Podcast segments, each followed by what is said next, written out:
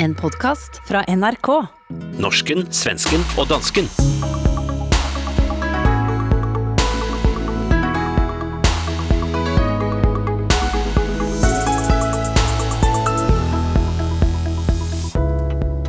Det danske folketinget vil outsource asylinstituttet til Afrika. 155 svenske kriminelle pågrepet efter international politiaktion, og hvorfor ler danskene når det annonceres med bollesøndag i Norge?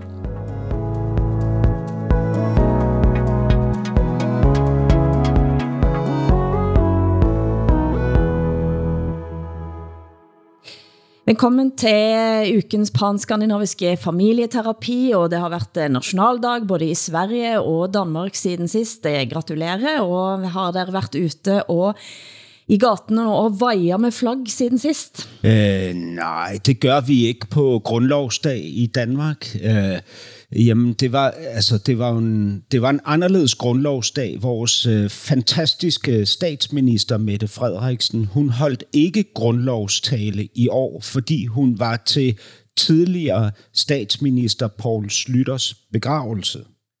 Øh, så, så den gik vi glip af, den grundlovstale øh, fra vores øh, regeringsleder i år. Øh, Ja, vi fejrer den ikke på den måde, som man øh, gør i Norge, og tydeligvis også i Sverige. Ja, for øh, også øh, tipper du ikke var øh, ute i gaten med flagg. Jeg ser det ikke helt for mig.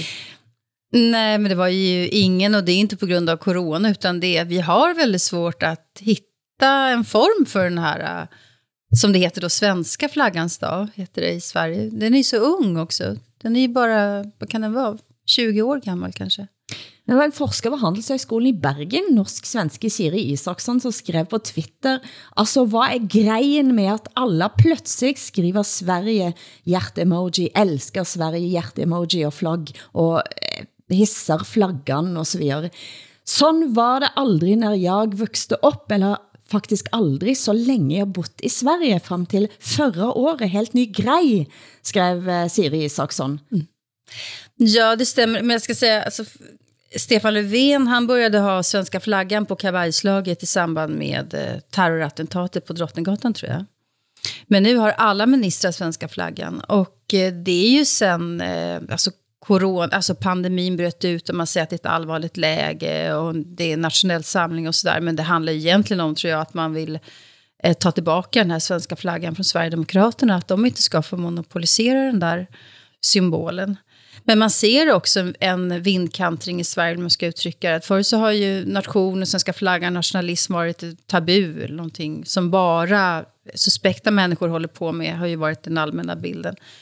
Men nu kan jag se att även liberaler i Dagens Nyheter skriver att man måste älska nationen, men att vara nationalist är väldigt fult, man ska älska nationen. Det kan vara ganska svårt tror jag för de flesta människor att förstå skillnaden däremellan, att älska nationen och att vara nationalist. Men vi famlar i efter det här i Sverige, någon form av eh, nationalism som, som eh, vänsterliberaler också tycker är acceptabel. Ja, og man, man kan se måden, I så kommunikerer jeres nationalisme på, er, er ligesom forsøgt uh, gjort meget jovial. Altså, man taler til Sverige i du-form, så man siger, du Sverige, hager du Sverige. Ikke? Ja, just altså, det, ja. det Ja. vil man jo aldrig gøre her i Danmark. Altså sige du Danmark. Øh, jo, måske i en gammel salme af en art. Ikke? Ja. Men, men vi har jo flaget med Dannebro altid. Altså så længe jeg kan huske, har der været Dannebro på fødselsdag, Dannebro på, øh, i en kæde omkring juletræet, Dannebro i lufthavnen, når man kommer retur fra en udlandsrejse osv. Og det er jo et af verdens ældste flagg. Det, det er ikke et, et, Øh, et, øh, det er ikke et Det är af- världens Det er, det Ja. er verdens, Ja. ja. Undskyld. Men det, är, ja, men det är ganska intressant tycker jag, när man, om man jämför när kungen framträder från slottet så är det aldrig svenska flaggor med. Men när statsministern framträder nu så är det svenska flaggor. Det kan jag säga, det var det aldrig förut. Och första gången som man såg eh, liksom en socialdemokratisk statsminister med svenska flaggan och de röda fanorna, det var under andra världskriget. Så så svårt har svenska socialdemokrater haft det för den svenska flaggan. Och sen så fasades flaggan ut efter andra världskriget. Men nu är den, ska man för, liksom försöka göra någonting av den då. Det tar nog lite tid tror jag. Jamfør, jamfør det du sa, Hassan, Øs Nøyen, eh, som er svensk-kurdisk komiker, han skrev på Twitter, Stort grattis på din dag!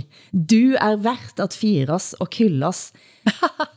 blått, blått øh, gult hjerte, Sverige og på begge sider. Du, Sverige. Mm. Jag är ju enig. Du, Sverige kan hyllas. Men, det men, går fint. Men det har ju också lite att göra med våra nationalsång som egentligen är en, en, en kärleksförklaring till Norden. Du gamla, du fria. Mm. Så börjar den ju, sången. Så jag, jag, vill, jag vill leva. Jag vill, jag vill dö i Norden. Norden. Ja. 800 kriminelle i 16 forskellige land blev pågrebet denne uken efter den verdensomspændende politiaktion Trojan Shield. Vi kan høre chef for den svenske polisens underrettelsesverksamhet, Linda Staff, på pressekonference tirsdag. We have been receiving intelligence to build criminal cases, and we have also had information that has helped us to prevent more than 10 planned murders within Sweden. In addition to the arrests yesterday, we have arrested another 80 suspects during this operation, which makes a total of 155 arrests so far. 155 arrestationer i Sverige også. Det må vel uppleves som en etterlængtet sejr for politiet? Och ja, och gissa vad glad den socialdemokratiska regeringen är här som har fått så mycket kritik för att vi inte får bukt med gängkriminaliteten och så. De jublar ju naturligtvis, så att det sitter ju väldigt bra för dem. Jag kände ju också som svensk, gud vad skönt. Jätteskönt att de där 155 personerna bara försvinner in i bakom lås och bur. Men samtidigt så tycker det är ju lite konstigt att ingen knappt vill diskutera mer än en och annan jurist vill diskutera det här med att en främmande makt, i det här fallet USA, faktiskt avlyssnar svenska medborgare, i det här fallet svenska medborgare hos oss då, brett. Eh, att de här frågor om personlig integritet och personliga rättigheter, frihet, så de, de, det är ingen fråga längre. Det har ur, urholkats sakta efter 11 september och nu är vi här, att det inte ens är en diskussion med såna här enorma massavlyssningar som inte ens är i harmoni med svensk lagstiftning. Mm. I Norge var det åtte pågrepne i kjølvandet av aksjonen. Eh, tingretten i Vestfold de giver ikke påtalemyndighetene medhold i fængslingen av de sigta i denne saken på grund av metodebruken. Tingretten har altså våget at ta det principielle saken, og det er næsten så jeg blir stolt av norsk retsvæsen, når de beslutter sånt. Det siger forsvaret Tollef Skobber til VG. Eh, så den, det du etterlyser her, Åsa, det ser ut som i alle fall Vestfold har sagt, nej, dette kan vi ikke gå med på uten videre. Heja, heja Norge som ändå har vissa principer fortfarande eller vill diskutera såna här saker innan man går till attack. Samtidigt så är jag ju också jätte, jätteglad att de där 155 personerna har försvunnit. Ja, det är akkurat det. Vi har verkligen problem med gängkriminalitet i Sverige. Ja, ja. Det är det är, det är bara så. Klart man måste göra någonting, men jag är otroligt kluven. Hvad tänker du, Hassan? Ingen, Jamen, ingen øh, danskere var inne her, fordi at danskerne har ikke brugt denne tjenesten. Men jeg synes, altså den her app, det hele drejer sig om, ikke? Øh, Anom eller Anom. Ikke? Det ændrer der planlagde folk så øh, hvad som helst, altså mor. Man kunne købe øh, en legemorder øh, til et bestemt beløb. Man kunne øh, lave transaktioner af narkopenge øh, øh og, og, og planlægge smugling af alt muligt. Ikke? Altså, det, det er jo vildt, vildt, vildt det her. Ikke? 8 ton kokain har man beslaglagt, 22 ton has, ikke? 2 ton amfetamin, 250 våben, 55 luksuskøretøjer og 48 millioner dollar i kontanter.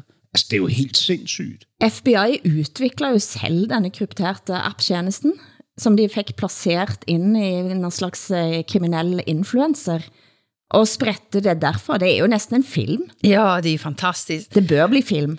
Och det, ja, men jag, alltså jag, ni vet att jag inte förstår vad en influencer är, men nu fattar jag lite grann i alla fall. hur, en, hur en influencer kan, kan fungera faktiskt och påverka alla andra. Sälja in prylar. Men jeg må jo indrømme, at jeg bliver glad, eh, når jeg læser tingretten tænker principielt på den måten, for jeg må beskyttes mot mig selv lidt her, for jeg kender at jeg får lyst til at overvåke de her for til evigheten, bare for at få bure det inne. Mm. Det, det trykker på nogle principper. Jag med. Men jeg vil jo ikke heller ha et sånt samfund, der det er muligt. Så jeg er kluven, som det heter på svensk. Precis, jag vill inte ha ett sånt samhälle där man övervakar vem som helst i stort, eller det vet vi att man gör, men jag vill inte ha ett samhälle där gängkriminaliteten sätter skräck i så många Nej, det er det. Altså, jeg, jeg, jeg har jo boet i et bandeområde, ikke? Og når man har øh, banderne helt op i sit øh, ansigt, øh, så, så begynder man jo lige så stille at acceptere øh, eller få lyst til, at politiet øh, får vidtrækkende mulighed for at begrænse det her. Ikke? Fordi det er så øh, brutalt, og det føl, man føler sig så forsvarsløs. Ikke? Og det er jo også det, der sker i den her situation. Ikke? Hvordan skal man, altså hvordan skal vi matche det her fænomen, som er så udbredt og så omfattende? Der er så, meget penge, så mange penge og så meget magt i det her. Ikke? Mm. Folketinget vedtog forrige torsdag en ændring i udlændingloven, som gør det muligt for Danmark at sende asylansøgere til et tredje land. Det har fået eh, både FN og EU, Amnesty og Red Barna til at reagere med skarp kritik. Hassan, hvad er det, der holder på med? Ja, altså det, ja, det er jo noget med, at, at man opretter de her øh, centre i tredje lande, hvor folk så søger om asyl, og der venter de så på, om de kan få asyl i Danmark eller ikke. Og det, ja, altså det, jeg, jeg, jeg tror, det er en udbredt populær beslutning i Danmark. Altså jeg vil tro, at, eller jeg ved, at et flertal tilslutter sig øh, det her. Hvad, så kan man jo synes forskellige ting om det, og det er der jo også øh, forskellige mennesker, der gør. Det, der er problemet lige nu, det er jo, at, øh, at øh, både FN og, og nu også EU øh, langsomt begynder at vende sig mod det her, ikke? Og, og påpeger, at Danmark øh, bryder med de fælles aftaler, vi har indgået. Ikke? Og det, det bliver jo problematisk, fordi Danmark, selvom vi er fri på nogle bestemte områder, så er vi også afhængige af, at EU har et fungerende asylsystem. Et nogenlunde fungerende asylsystem. Ikke? Så, så det er jo klart, det er jo, det er jo en besværlig situation. Hvad synes I? Hvad tænker I? Det som er lidt eh, det, det som er et av de store problemene her, er at man argumenterer med at man også vil få ned denne trafikken over Middelhavet på denne måten, men det gør man jo ikke, for sådan som jeg forstår det, så kan du fremdeles ikke søge asyl fra et asylcenter, for eksempel i Rwanda. Du kan heller ikke søge asyl via et dansk konsulat eller ambassade. Så du må uansett op til Danmark, banke på døren, og så bliver du sendt til Tunisia, eller hvor det måtte være. Jamen, er du sikker på, at man ikke kan søge asyl på et dansk konsulat? Ja, det vet jeg. Og... Det vet jeg. Det har, det har, nej, det har været umuligt siden midten af 2000-tallet. Okay. Og du ved, at man ikke at man, så du ved, at man ikke kan banke på i det asylcenter heller, som bliver oprettet i, i Afrika. Ja. Man kan ikke søge Enn så længe. Ja, den, den information, som har kommet ud af den så længe, så er, så er det ikke muligt. Så det er en af de store diskussionerne, som har gått og som blandt andet eh, FN's højkommissariat for flygtninge har påpekt, eh, og som siger, at dette er et brud med eh, konvention tilbage til 1951. Men det er mange formelle hindre, som genstår for, at dette skal bli en realitet, og det var tema blandt andet i orientering på DR i forrige uke, hvor blandt andet spørgsmålet var, om Norge kunne være interesseret i at følge etter. Øh, Danmark har sine forbehold, men vi er med i diskussionerne, øh, der handler om at øh, altså om en ny asylpolitik. Men om de forhandlinger, der sagde Mathias Tesfaye blandt andet i radioavisen sidste januar i år. Der er meget langt fra de yderpunkter, der er i den europæiske debat, og hvis vi skal vente på, at der opnår enighed der om at tage så nyt et skridt, som det vil være at lave et modtagercenter, så kommer vi til at vente et stykke tid. Ja, det kan vi, det kan vi ikke vente på af budskabet her. Men Øh, der kunne måske godt være andre lande, som kunne være interesseret og som ikke, som du siger her, er, er bundet af det, der gælder inden for EU. Det kunne være Norge, det kunne være Storbritannien. Øh, har du nogen fornemmelse af, om det kunne være sandsynligt? jeg har faktisk lige talt med øh, det norske justitsministerium for to dage siden, og de, de siger, at vi er ikke interesseret i det her på nuværende tidspunkt. Vi har holdt nogle møder, til Sverige har også holdt et møde med, med Monika Mæland, øh, justitsministeren i Norge, men, men de er ikke interesseret, som det er nu. I indslaget hørte vi indvandringsminister eh, fra Socialdemokratiet Mathias Tesfaye, og til slut her Altingets redaktør for udviklingsstof Maja Heidorn Hansen. Eh, det danske vedtak har vakt opsigt over hele verden, og her så hører at den norske justisministeren har sagt, at Norge ikke på dette tidspunkt vil følge eh, Danmark. Fremskridtspartiet har eh, spilt det ind eh, som en mulighed at indgå et samarbejde med Danmark. I Sverige så säger eh, Jim Jimmy Åkesson till Aftonbladet att han tycker att det här är ett alldeles utmärkt förslag. Och eh, Moderaternas migrationspolitiska talesperson eh, Maria Malmer Stengard, hon säger också att Moderaterna delar den danska problembeskrivningen, men att Danmark är lite speciellt för att Danmark har ju undantag eh, från, från EU som vi i Sverige inte har. Men jag tänker, jag tänker så här, Danmark säger då istället Ja, men vi ska ta emot eh, kvotflyktingar från FN istället. Mm, hur många handlar det om då? Jag var tvungen att kolla upp det där. Eh, mellan år 2017 och 2019 så tog Danmark emot noll kvotflyktingar från FN. Och sen när Mette Frederiksen tog vid så, så började Danmark återigen ta in kvotflyktingar. Ett tjugotal om året. Så det är inte särskilt många människor det här handlar om. Jag tycker att det skulle nästan vara ärligare att säga att vi skiter i asylrätten. Vi vill avskaffa asylrätten. För alla länder kommer att ta efter Danmark. Sverige kommer bergis att göra det.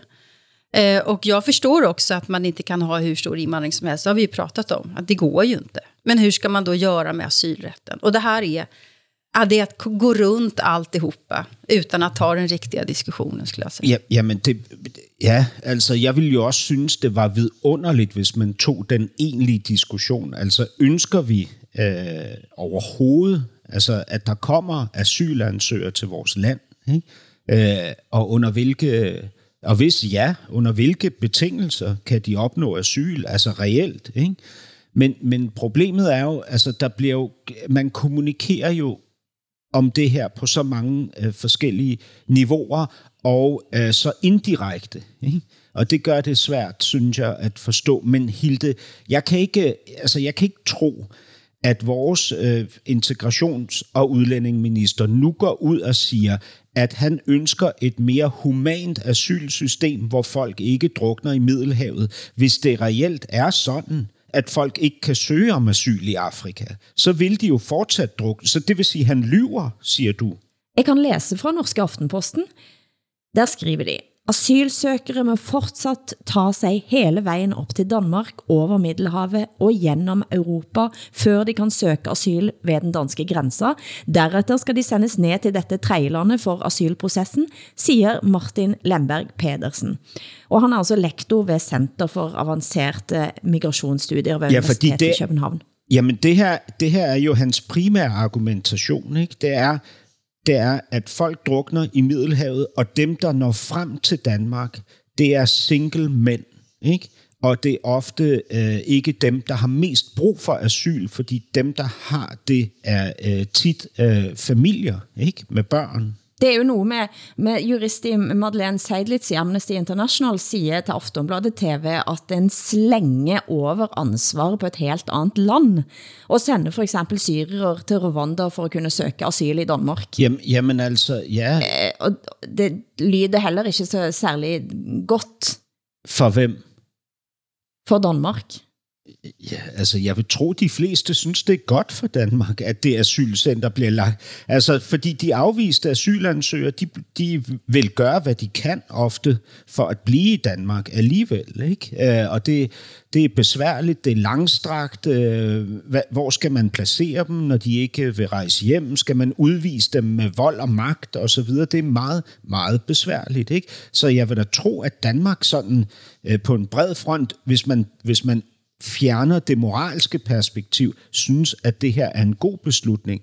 For, for de afrikanske lande, så følger der jo øh, en masse gode ting øh, i deres retning. Ikke? Det er jo, hvad hedder det, øh, nogle privilegier i form af samarbejde og økonomi og, øh, omkring økonomi og så videre. Ikke? Plus de får en blåstempling, som de måske har brug for, fordi de er tvivlsomme nationer på blandt andet menneskerettighedsområdet. Ikke? Ja, men det er jo gamet. Ikke? Og, så har, så, og hvem er det så, det ikke er godt for? Det er vel asylansøgerne øh, som de eneste. Ikke? Er det ikke sådan?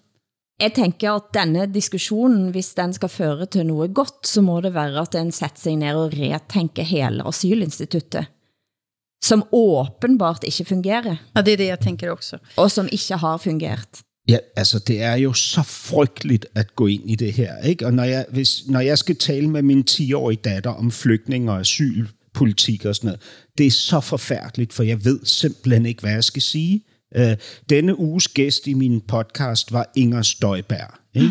Øh, hvor, vores øh, legendariske, berygtede øh, tidligere øh, integrations- og udlændingeminister, ikke? som folk jo øh, hader og elsker. Ikke? Og min datter spurgte mig, far, hvad synes du om hende? Fordi min datter har jo også øh, forstået, hvor dæmonisk hun er. Ikke?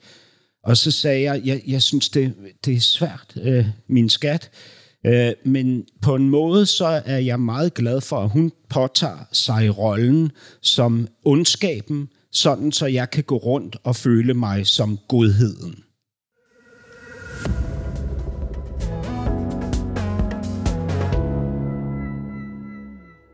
Hassan, du har meldt, at du gerne vil snakke om stereotypier i forhold til makt og magtesløshed via kunsten. Boken i kærlighedens navn har fået tanken i sving. Fortæl. Ja, jeg har læst en bog øhm, af Karima Bouiloud, som hedder I kærlighedens navn. Øh, og det er en ret fantastisk roman. Den er, den er ikke, det er jo ikke en selvbiografi, men alligevel er det en, en øh, bog, som er baseret på Karimas øh, egne øh, oplevelser. Hun, øh, øh, hun, øh, ja, hun har øh, forældre med marokkansk øh, baggrund, og hun oplevede at blive øh, skubbet ud i et arrangeret ægteskab, øh, hvor i hun fik en datter. Den her mand viste sig at være meget voldelig, øh, og hun flygtede så fra ham.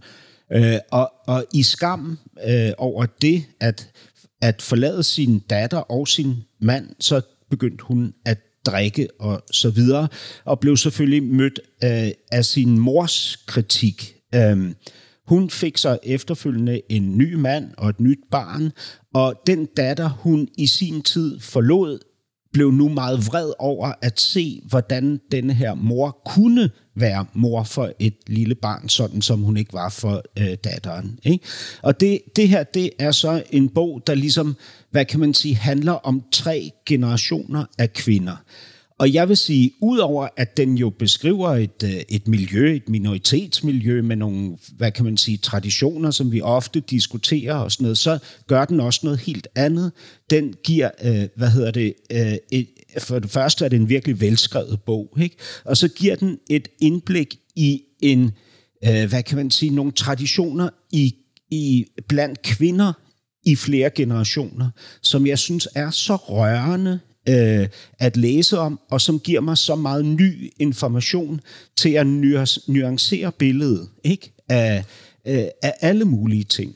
Og det er så spændende for mig at opleve det her, hvordan øh, forfatteren påstår, at kvinden faktisk har rigtig, rigtig stor magt, som hun misbruger. Ikke? Øh, og forfatteren har selv gjort det over for sin egen datter, og skammer sig over det. Og med udgangspunkt i det skriver hun den her bog. Ikke? Og det er et meget, meget ærligt og bevægende dokument for mig øh, at læse. Øhm, så det, det, den kommer med en øh, stor anbefaling herfra, den her bog i kærlighedens navn. Det är väldigt mycket i hederskulturen som upprätthålls just av eh, kvinnor. Så det, det har vi pratat om i Sverige på senare tid, att det är, ofta är kvinnornas uppgift att se till att eh, den här heden är intakt. Och att man, eh, hur illa man själv har farit som kvinna då, så, så ser man till att upprätthålla de här strukturerna i alla fall. För att man ska visa att man kan reglerna eller hur är man är själv rädd för att bli bestraffad och sådär. Ja, jeg tænkte også at den, den makten øh, har vi diskutert, og jeg studerte Midtøsten-historie for en, øh, 20 år siden, og var optaget netop av øh, kvindens reelle makt i, i det private, i familien, mannens eh, regime utenfor familien, og at netop det, at det, er, det ligger på kvinden, både haps lydighed til mannen, men også at ta videre eh, den ja, altså beskyttelsen som ligger da i, i det familiære og i æren. Eh, så på den måten så tænker jeg, at det er ikke noe, det er ikke noe nytt, men det jeg synes er interessant her er den skammen som hun, eh, altså hun forlater sin datter, fordi hun ikke orker eh, hverken at se på en måte henne heller, og, og må gå, gå ifra en voldelig mand. Men det handler jo like mye om den magtesløsheten, som vi alle har i livet, altså med at se, at vores handlinger har eh, konsekvenser for omgivelsene våre. Helt klart, absolut. Og det, det, det er også der, hvor den breder sig ud over at være en bog om et minoritetsmiljø, ikke? Men, men til at være en bog om os alle sammen, fordi vi lader jo de her øh, strukturer forplante sig oppefra ned igennem os og videre i vores børn. Ikke? Selv når vi tror, vi har vendt dem ryggen, ikke? så bærer vi dem videre. Øh, og det gør jeg også. Ikke?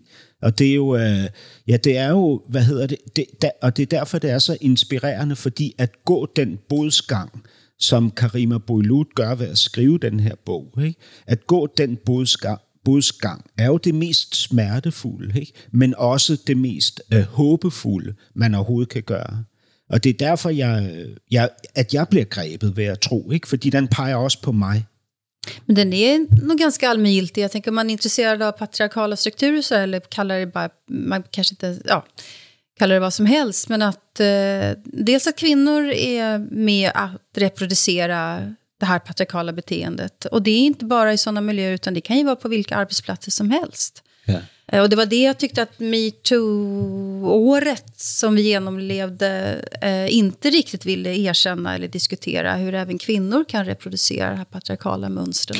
Nu kom, det kommer till att tänka på den uh, nya reality-serien i Sverige, Svenska Power-kvinnor. Ja, vad är det för någonting? Nej, alltså TV3 ska göra en ny reality-serie om fram, framgångsrika kvinnor. Eh, der altså får eh, titterne følger Camilla Läckberg og fire andre succesfulle kvinder da, i hverdags- og arbejdsliv. Eh, hvis du skal kaste danske powerkvinder, Hassan, hvem vil du haft med? Nå, men ja, altså, men det, er, er det ikke et lidt Altså, I, i, så er I to, Hilde og Åsa, I power kvinder. Nej, altså det er netop det. Nej, blanda inte in mig i det her, altså. Nej, det kan man ikke lide, vel? Og, og jeg vil jo ikke kaste nogen til at være power kvinder. Det, jeg synes ligesom, det, jamen det implicerer jo, eller det, det implicit ligger der jo, at, at de fleste kvinder ikke har power. Ikke? Og det, derfor synes jeg, det... det Netop. Men jeg tænkte på en anden ting også, eh, for det, hvis en eh, kunne snu på det da, og se for oss i det hele taget en reality-serie som heter Svenska Power Men. jeg så bare pludselig for mig, at man skulle ha et Lapidus, altså Snabberkash, eh, sammen med Slatan og Kungen, eller han Tetrapak-arvingen, som havde mm. konen sin i fryseboksen et år. Tror du, de ville ha stilt op på en eh, reality-show under titlen Svenska Power Men? Nej, jeg tror ikke det faktisk. Men det er en sjov tanke, ikke? Så skulle man ligesom have sådan nogle, øh, hvad hedder det, sådan nogle mennesker i, i fløjelsbukser og, og, og skjorte, altså sådan nogle teknel-typer. Svenska power statsepidemiologer. Nå skulle vi egentlig snakke om eh, chefen for Danmarks Radios eh, pikekor, Mikael Bøjesen, som har måttet forlate sin post efter en række sanger i deres pikekor, har stått frem med historier om seksuel trakassering. Men mens jeg satt og jobbede med den saken der, så tænkte jeg, jeg orker ikke en ny sådan sak. Altså, vi er så glade i gåsetegn av at snakke om sådanne saker. Jeg får en sniken fornemmelse at vi er i færd med at udvikle eget ekokammer hvad tænker dere? Hvad mener du med ekokammer då, Hilde? At... At vi sitter og snakker om de samme sakene, vi er begynder at bli mer og mer enige, og at vi har ett perspektiv som gjentas. Jo, men det kan jag nog hålla med om att vi pratar väldigt mycket om eh, eh, identitetspolitiska frågor eller eh, minoritetsaktivism eller så det stämmer ju. Men ofta så är det ju sådana nyheter som man pratar om i våra länder också. Det är inte så att bara vi plockar de här russinen, utan det är ju det här man pratar om på svenska kultursidor i alla fall, så är det ju ofta det som hamnar här i vår podd. Men du menar att vi, ty vi tycker lika i alla de här frågorna så det blir inte så spännande kanske? Ja, att vi, vi ligner mer kanske, och så samtidigt så märker jag för min egen del, i, særlig den identitetspolitiske spørgsmål, så, så begynder jeg efter hvert at tænke, hmm, Eh, er det noget så farligt, at du har uh, unge eh, aktionister, som mener helt idiotiske ting? Det har unge alltid gjort, og så pludselig så så jeg mig selv som denne 50-åringen, som sitter og... Uh, hamrer løs på, på bevægelser, som på en eller anden måde kommer til at justeres et hvert. Jeg vet ikke. Tycker väl det beror på vad man... Vissa frågor kan man tycka är så perifera som diskussionen som vi har haft i Sverige här om eh, att byta namn på det här rummet vita, vita havet. Alltså för att det, det säger så mycket om vilka rörelser som finns eller eller krav på kvotering för minoriteter på Sveriges Radio och sådana saker. Jag, vissa frågor kan verka små, andra är större och jag tycker inte att de är obetydliga faktiskt. Eller hvad siger du, Hassan? Ja, altså jeg er jo enig i, at nogle ting har betydning for mig, andre har ikke så stor betydning. Øh, der vil være noget, jeg fokuserer meget på i denne her tid i mit liv i forhold til øh, andre tider i mit liv, øh, naturligvis. Men først og fremmest, så må jeg jo sige, jamen naturligvis er vi også et ekokammer. Altså, vi skulle jo være de første mennesker i en flok, som ikke begynder at tilpasse os øh, hinanden mm. lige så stille og roligt. Øh, jeg, jeg kan jo ikke svare for, hvordan øh, du, Åsa, og du, Hilde, ligesom fungerer inde i jeres øh, hjerner og hjerter, men jeg kan sige for mit eget vedkommende, at jeg ved med 100% sikkerhed, at jeg øh, tilpasser mig de mennesker, jeg omgås. Altså, jeg, jeg, og det er ikke kun øh, i, i tonen og i, hvad kan man sige, formuleringerne, det er også i indholdet. Mm. Jeg begynder at synes det samme som mennesker omkring mig. Og hvis jeg kan mærke, at nogle bestemte holdninger kolliderer voldsomt med, med, med, med de her mennesker, så justerer jeg de holdninger. Øh, fordi jeg har det som øh, måske det eneste menneske på den her klode ubehageligt med konflikter. Uh, og vil helst undgå dem. Kan bedst lide en form for harmoni, hvor jeg kan folde mig ud.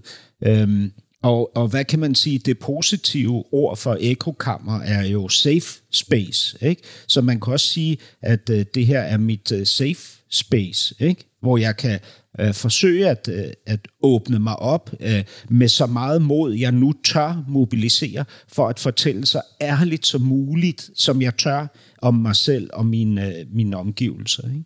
Men om man tänker så här då, det, det är ju en poäng, tänker jag, att jag som socialist och Kille som liberal och du Hassan som är konservativ, om, jag, om du tillåter det, att jag säger det, kan vara så överens om frågor som har att göra med det identitetspolitiska, som faktiskt har betydelse. Det är ganska spännande. Men sen tror jag att vi är oeniga om saker som vi väldigt, väldigt sällan pratar om. Eh, till exempel NATO, skulle jag gissa, eller ekonomiska frågor, eller globalisering, eller ojämlikhet, eller hur, liksom, hur skattesystemen ska se ut. Eller sådär. Ja, eller ma marxism, för exempel. Mm. Marx ja, just det.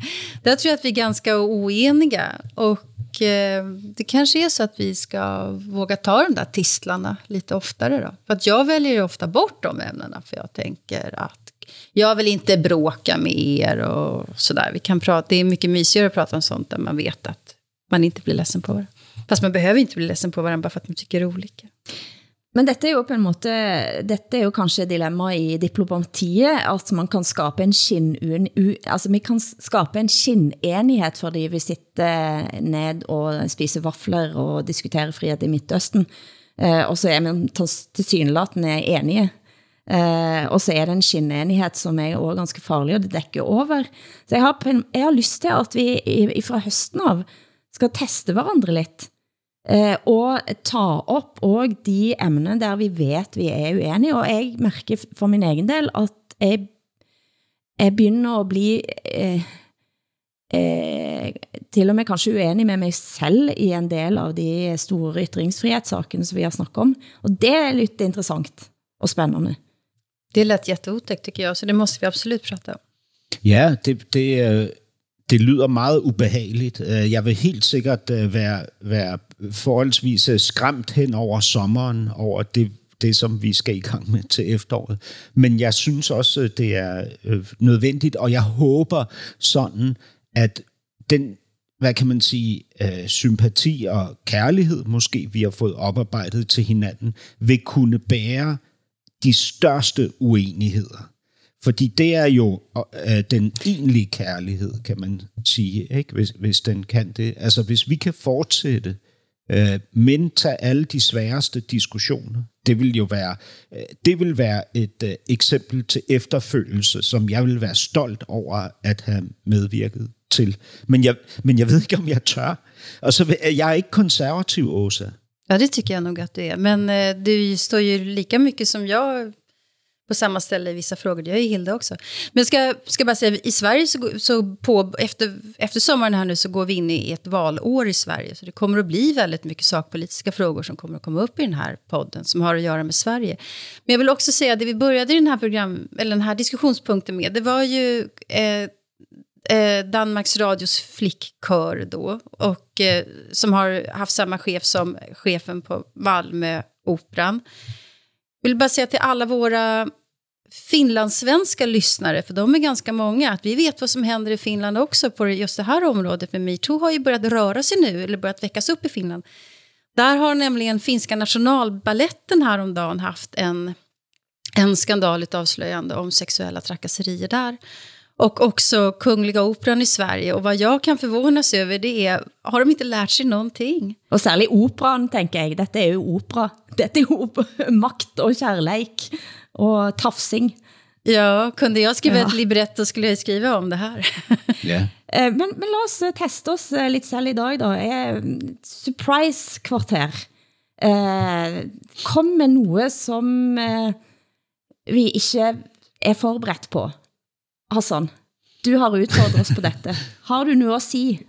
Ja, og så skulle jeg jo sidde og forberede noget, uh, som... Jamen, nej, prøv at høre. Jeg, jeg har simpelthen ikke engang været i stand til at løse min egen opgave. Uh, jeg beklager. Jag kan testa er. Eller, eh, jag ska säga till våra lyssnare att, att Hassan fick för sig häromdagen att vi skulle ha ett överraskningsmoment, en surprisstund här, där där vi överraskar varandra med uppgifter som vi har tagit rätt på om varandras respektive länder, tror jag. Var det inte så? Eller om oss själva. Eller om oss själva, ja okej. Okay. Ja, men jag tog det där eh, på allvar då. Och eh, jag är ju så intresserad, som ni vet, av löner och klass och inkomst och sådär. Så jag undrar ifall ni vet hur stor skillnad det är i lön i månaden i medelinkomst mellan Sverige och Norge. Jag hittar inga siffror för Danmark. Vad tror ni är medelinkomsten i Norge per månad? Jag vet att den är mycket högre. Jag tror jag till och med har sett en statistik som var ner på yrkesnivå. Mm. Jag säger så här då. I Norge så tjänar man i snitt 42 000 kronor. I Sverige så tjänar man i snitt 31 000. Så att det är inte konstigt att vi svenskar tycker mm. att det är väldigt, väldigt dyrt i Norge. Och medelinkomsten är ännu högre i Danmark. Eh, en läkare i Norge tjänar 86 000 kronor i månaden och i Sverige 78. Men den största skillnaden mellan Norge och Danmark det är arbetaryrkena. En städare i Norge tjänar 33 000 i snitt i månaden och i Sverige 24 000. En vad? Som vaske. En städare, en lokalvårdare. Vaske, det är personell. Vaskedam kanske det heter. Mm. En förskolelärare, alltså man jobbar på barnhage. I Norge så tjänar man 41 000 kronor i snitt och i Sverige 31 000. Så det skiljer ungefär 25 procent mm. högre medelinkomst i, i Norge. Det har blivit löfta, det gulvet har blivit löfta i Norge. Det betyder att folk som tjente mycket mindre för nu tjänar bättre. Och jag tänker ju det är en god... Jag vill gärna att vaskepersonell ska tjäna ordentligt. Det vill jag också. Det lærte jeg av min eh, lærer på ungdomsskolen, som stemte Socialistisk Venstreparti selvfølgelig. Just det, där hör man. Men för att kompensera Hassan här då, så har jag en fråga till Hassan. Som jag, vet du hur många auktoriserade bordeller det finns i Köpenhamn? Nej, det ved jeg ikke. Hvor mange? 117 stycken. I Sverige och Norge finns det noll, för vi har inga auktoriserade lagliga bordeller. Men det man kan si der, eh, Åsa, er at jeg vet at eskortetjenesten, som har været næsten ikke til stede i Danmark, eh, antageligvis også, fordi man har bordeller, men eskortetjenesten, det betyder at eh, prostitution flytter indendørs, har økt dramatisk eh, i det sidste året i Norge. Och i Sverige också. Det är extremt mycket prostitution, så att jag säger inte att vi har prostitution. Men det är som svensk hissnare med tanke på att det finns statligt auktoriserade bordeller. Det är och 117 stycken bara i, i Köpenhamn. var den siffran som jag hittade. Kanske finns ännu fler. Det er jo vildt, men, men må, jeg, må jeg fortælle en lille historie, fordi det er, øh, I, I ved Mads Brygger, som var tidligere chef på øh, Radio 24 indtil den øh, radiostation blev lukket. Han har åbnet et, øh, et nyt øh, medie, magasin, et ugenligt øh, nyhedsbrev, som er en form for avis, som hedder Frihedsbrevet. Og i første øh, udgave af Frihedsbrevet, der har han en historie om øh, en boligspekulant, en kreds af øjenlæger og en socialdemokratisk folketingskandidat, som sammen har huset og administreret øh, et, en ejendom, hvorfra der bliver drevet bordeldrift. Mm. Ikke? Øh, den historie er lige kommet ud. Mm. Mm. Ved I, hvor det bordel ligger? Nej. Det ligger lige under min lejlighed. okay. altså præcis under min lejlighed. På, påverkar det dig och din familj på något sätt? Altså, ja, øh, vi, vi, ja, det, det, Er vi, har jo identitet bemær- eller... øh, Nej. vi har jo bemærket, at de ligger der. Ikke? De ligger der bogstaveligt talt. Ja. Ja, og det er så sært det her, fordi det er en kreds af meget prominente øjenlæger, som bruger deres, øh, hvad kan man sige, pensionsopsparing til at investere i ejendomme, som de opkøber sammen med en ret en ret kontroversiel, kan man roligt sige, boligspekulant, ikke? Og så har de så det her administrationsselskab, som er drevet af en socialdemokratisk folketingskandidat, ikke? Og herfra, der er de så øh, øh, fuldstændig ligeglade med, mm. hvem der lejer sig ind i deres ejendomme til ekstremt høje priser i øvrigt. At en af de pensionerede øjenlæger, som øh, har alle sine penge i det her projekt, han siger, øh, da han bliver kontaktet af journalisten, så siger han, Nå, jamen så kunne man jo få en gratis tur hvis man selv har huset, så kan man vel få rabat. Man må se lidt positivt på det. Mm. Ja, men jeg aner ikke spor om det, siger øjenlægen og griner. Det er vel dem, der har ejendommen, som ikke kan lide, at man går og knaller nede i kælderen. Men jeg tænkte, og jeg har også gått rett ind i økonomien også, eh, fordi jeg er så fascineret av at 70% av Stockholmsbørsen eh, for nogle år siden var eid av 15 familier i Sverige. Og disse store, moderne adelskapene i gigantiske formuer, eh, den gangen jeg læste det, eh, som er næsten 10 år siden også, var eh, Wallendal, eh, Wallenberg-familien eh, var god for net 1340 milliarder. Det er enorme summer. Men eh, det jeg har forsøgt flere gange at få dere til at forstå, er størrelsen og betydningen av oljefondet. Og det har jeg næsten givet op, så jeg spurgte mm. oljefondschef Nikolaj Tangen om hjælp. Mm. Og så lad os prøve igen, for det er han svarer, mm. og nu kan dere høre efter til næste gang, vi skal snakke om dette. Oljefondet er større end værdien av alle hus, hytter, biler og andre private ejendeler i landet fratrukket gjeld. 2 millioner per person, eller 1,4 procent av alle børsnoterte selskab i verden. Som da støtter velfærdsstaten, men også er vigtig når det gælder at skabe fællesskab, og som, som jo er den gode siden. Men så lægger han til, og det er da jeg kender, jeg bliver lidt nervøs, må jeg sige. Nå står det altså for 25% av statsbudgettet. Det er vildt. Åh, herregud. Alltså utan den där så skulle Norge vara som Bangladesh eller någonting sånt där. Ja, og det er jo det, jeg begynner å s- padle. Skal søke asyl i Danmark.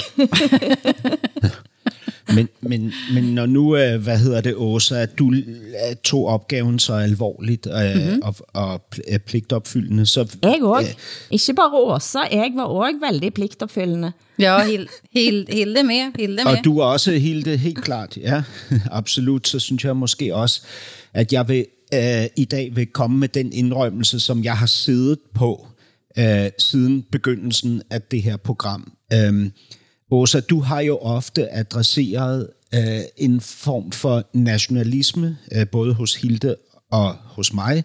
Altså, det vil sige en uvillighed til at tale om de ting i danskheden, som er problematiske. Ikke? Og jeg har forsvaret mig. Jeg har sagt, nej, det passer ikke. Jeg øh, er ikke bleg for at kritisere Mette Frederiksen osv. Øh, og du har øh, helt øh, på sin plads adresseret, at Mette Frederiksen er ikke danskheden eller Danmark, men at min kritik i forhold til netop de her nationale fænomener ikke har været her. Og, og jeg, har, jeg har undskyldt mig en enkelt gang ved at sige, at jeg i min identitetspolitiske fortid, dengang jeg kæmpede øh, for aktivt for antiracisme og, og større mangfoldighed osv., var meget øh, kritisk over for Danmark, og at jeg oplevede, at den kritik ikke førte noget godt med sig. Tværtimod så fastholdt den kløften mellem mm. mig og de andre, eller os og dem. Ikke?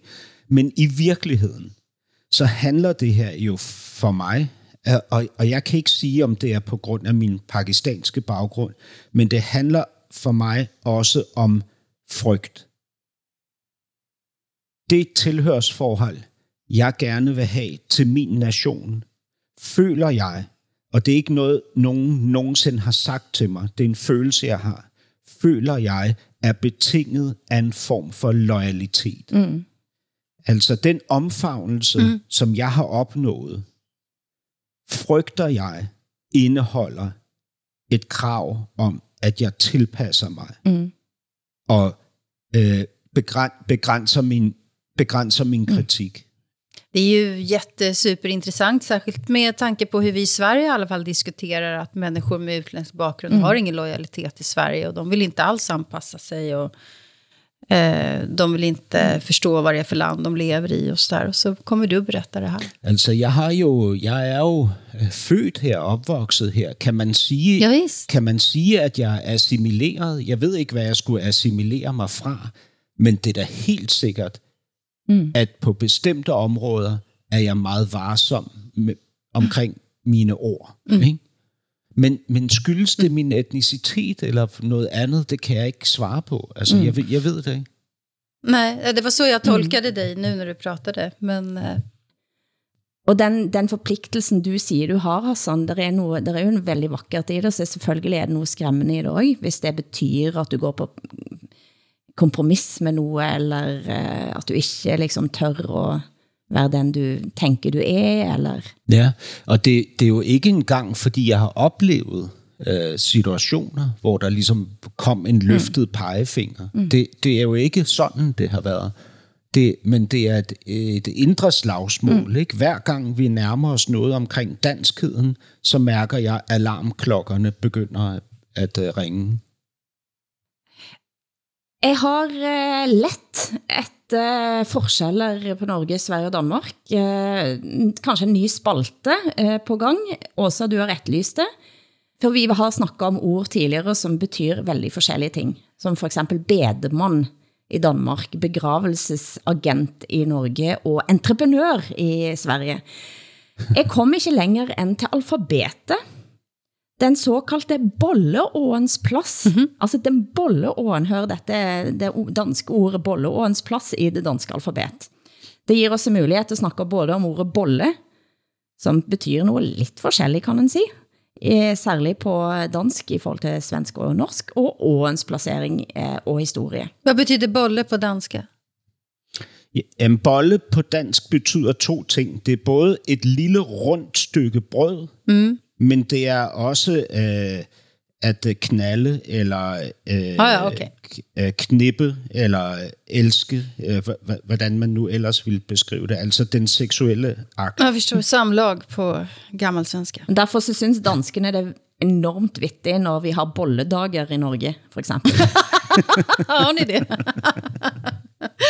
Hvor mange bolledage har I på et år, Hilde? Men jeg, men, jeg, men jeg lurte selvfølgelig på, hvorfor heter det bolle på dansk? Eh, og fandt nogen ulike forklaringer. Vet du det, Hassan? Altså, hvor, hvor, hvorfor det hedder å Nej, hvor, bolle, vi snakker om bolleåen etterpå. Hvorfor heter det å bolle? Nej, det ved jeg ikke. For, Det, fordi det var en lærer, som stilte det spørgsmål i et forum, og fik uh, ulike svar. En av uh, forklaringene er, at det kommer av uh, bolletyr, altså bull, kan du tænke dig. Altså tyren som parer sig og bedækker. Men den andre uh, er altså fra nor norrøn, altså lager sig bol, og at det derav kommer og bolle. Lagas i bol, vadå? Bol, et leje, et lege, Jaha. sant? För det har vi ju i Sverige också. Så det är ett väldigt gammalt ord är ju att bola. Och det är ju ha samlag. Eh, Nå, okay. Det hade man, med hade man med djävulen till exempel. Hade ju häx, häxorna under häxprocessen. Men, men hvad, hvad, hvad er pangdangen til bolle i Norge og Sverige? Vad menar du med... Hvad, hvad er jeres ord for bolle? Du, hvis du er på fint i ordbøkene, så står det at ligge sammen. Eh, pule er vel kanskje et eh, lidt andet ord, og der kommer vi ind på, hvorfor det betyder noget helt andet på dansk igen. Pule? Nej, det siger vi også, at pule. Det säger vi inte i Sverige. Om man pular någon i Sverige så är det att man får snö i ansiktet. Eh, så jag har en norsk kompis som flyttade till Sverige när han var barn och så ropade alla nu ska vi pula Tarje och han var på att dö. Han trodde att han skulle bli utsatt för en gängvåldtäkt. Han var åtta år den där pojken då. Men jeg, jeg må bare sige, at bolleår da, eh, raskt, blev indført i Danmark ved retskrivingsreformen i 1948 i stedet for dobbelt A. Det er det som blev kaldt for en bolleår. Men det interessante der er at danskene med indførsel av bolleår længe vurdert at placere den bolleåen først i alfabetet, som du ville da ha begynt, og ABC. Eh, Det fik eh, Pia Tegn til at spørge om det danske alfabetet nå skulle ha nationaldragt på. Eh, norsk indgripen for, endte med at den placerte sist, men i Sverige også, så er å ikke sist i alfabetet. Tredje sista bokstaven är det. Vi har ju ä och ö också som följer efter. O, ä, ö. Ja, vi, vi har AØÅ i Danmark. Ä, ö, å. Åh gud. Fordi at nordmænd greb ind, Hassan. Ja, men, men må jeg spørge om noget andet?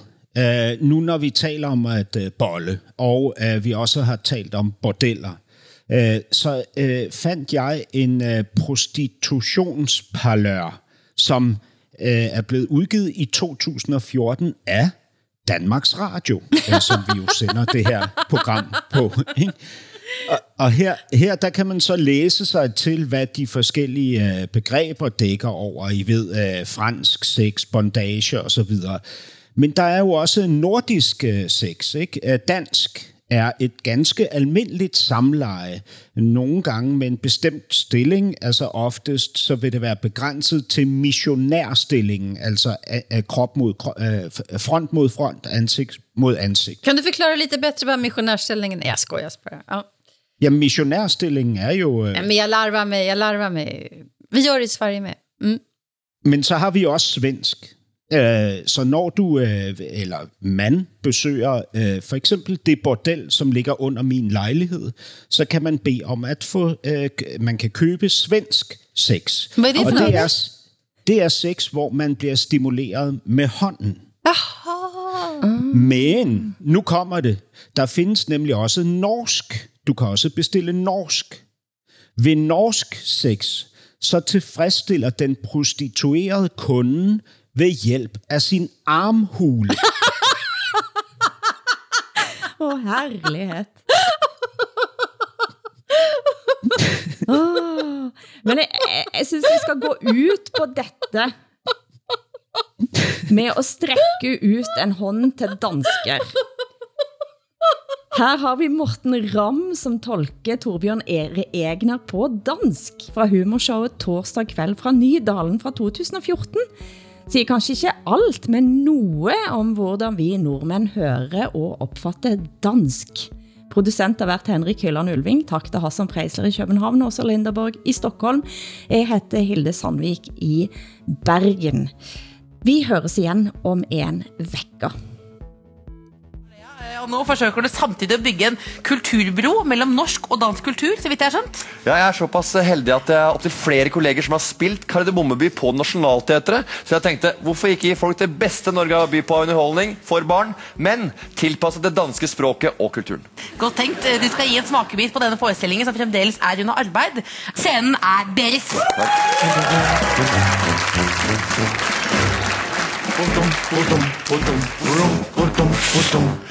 Vi fister os og knalder på, vi knæpper vores løve. Vi boller tante fissemor og hele hendes røve. Vi kusser, knæpper dagen længe, vi nynner vores knaldesang Vi knæpper og boller og kysser med sang, både Kasper og Jesper Knallemand.